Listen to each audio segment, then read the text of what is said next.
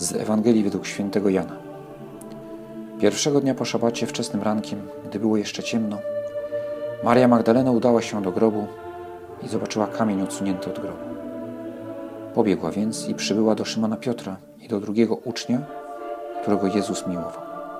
I rzekła do nich: Zabrano Pana z grobu i nie wiemy, gdzie go położono. Wyszedł więc Piotr i ów drugi uczeń i szli do grobu. Biegli oni obydwaj razem, lecz ów drugi uczeń wyprzedził Piotra i przybył pierwszy do grobu. A kiedy się nachylił, zobaczył leżące płótna, jednakże nie wszedł do środka. Nadszedł potem także Szymon Piotr, idący za nim.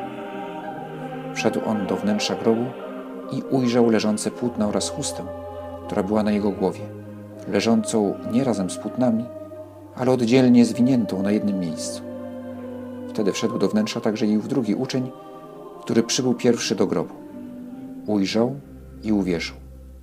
Dotąd bowiem nie rozumieli jeszcze pisma, które mówi, że on ma powstać z martwych.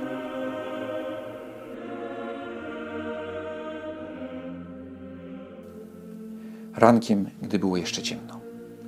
Prawo mojżeszowe zabraniało wykonywać w szabat jakichkolwiek prac. Maria Magdalena przestrzegała tych zasad, bo, bo były one wówczas znakiem wierności Bogu. Ale gdy tylko kończy się czas wymuszonej bezczynności, biegnie do grobu. Chce dokończyć namaszczenia ciała zmarłego Jezusa, bo nie zdążyli tego zrobić w piątek. A miłość do Pana Jezusa każe jej zadbać nawet o najdrobniejszy szczegół, który w tej sytuacji wydaje się bez znaczenia, bo przecież ciało Pana Jezusa zostało pogrzebane, jakoś tam to namaszczenie zrobiono. Po co jeszcze to powtarzać, żeby było dokładniej i lepiej? Ale dla niej to jest szczegół miłości. Biegnie przed świtem, dlatego, że jest wierna Panu Jezusowi, dlatego, że jest wierna Bogu, którego woli nie rozumie. No bo jak zrozumieć, że Bóg pozwolił na śmierć Mesjasza? Za chwilę wszystko się wyjaśni. I Maria Magdalena jako pierwsza spotka się ze zmartwychwstałym Jezusem i zacznie rozumieć, kim On naprawdę jest. Jak piękna jest postawa Marii Magdaleny. Wierna Bogu, nawet gdy nie rozumie, nawet gdy wszystko wydaje się stracone. Ta wierność wyraża się w dbałości o formy. Czy dbam o tę formę wobec Pana Jezusa dzisiaj? Skoro już mowa o bieganiu, czy wkładam wysiłek, aby przyjść na niedzielną mszę świętą i to punktualnie? Czy dbam o zachowanie przyjętych form grzecznościowych, takich jak przyklęknięcie przed Przenajświętszym Sakramentem, czy odpowiedni ubiór, czy zachowanie w kościele? Ktoś powie, to bez znaczenia, bo ważne jest nastawienie serca.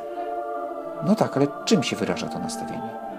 Wobec Boga, a także wobec drugiego człowieka. No między innymi w formach. Formy są ważne, gdyż wyrażają, o ile wyrażają miłość, oczywiście, jeżeli są puste, no to, no to są bez znaczenia, ale jeżeli wyrażają miłość, to jest to sposób docierania do Boga i do drugiego człowieka. Jeśli wyrażają miłość, jeśli wyrażają autentyczną wiarę. Piotr i Jan nie są już tak heroiczni. Nie wstali przed świtem, a trzeba dodać, że niedziela nie była tutaj żadnym usprawiedliwieniem, bo dla Żydów był to pierwszy dzień tygodnia roboczego. Nie było łatwo przekonać uczniów, może nawet nie było łatwo ich obudzić. Dramat Wielkiego Piątku wpędził ich w przygnębienie, w depresję. Nic nie chce im się robić, bo nie widzą sensu. I słowa Marii Magdaleny i innych kobiet uznali za czczą gadaninę, jak mówi święty Łukasz. O, baby coś wymyśliły i gadają. W szczególności nie traktowali poważnie Marii Magdaleny. A może byli na nią źli, że w Wielki Piątek okazała się odważniejsza od nich, bo, bo została przy Panu Jezusie aż do końca, oni uciekli. W końcu jednak Piotr i Jan się ruszyli. Młody Jan biegnie, Piotr też, no ale Piotr nie ma już 20 lat, więc biegnie wolniej, może nawet się trochę zasapał, dotarł później.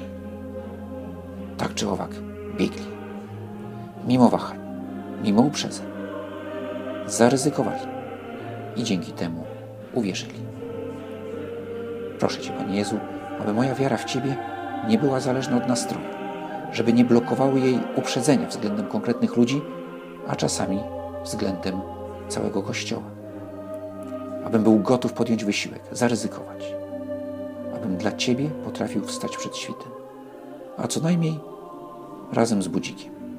I każdego dnia z energią potrafił iść na spotkanie Ciebie. Razem z Maryją, która zgodnie z tradycją, choć nie potwierdzono w Ewangeliach, ujrzała zmartwychwstałego przed wszystkimi, bo taki był jej przywilej jako matki.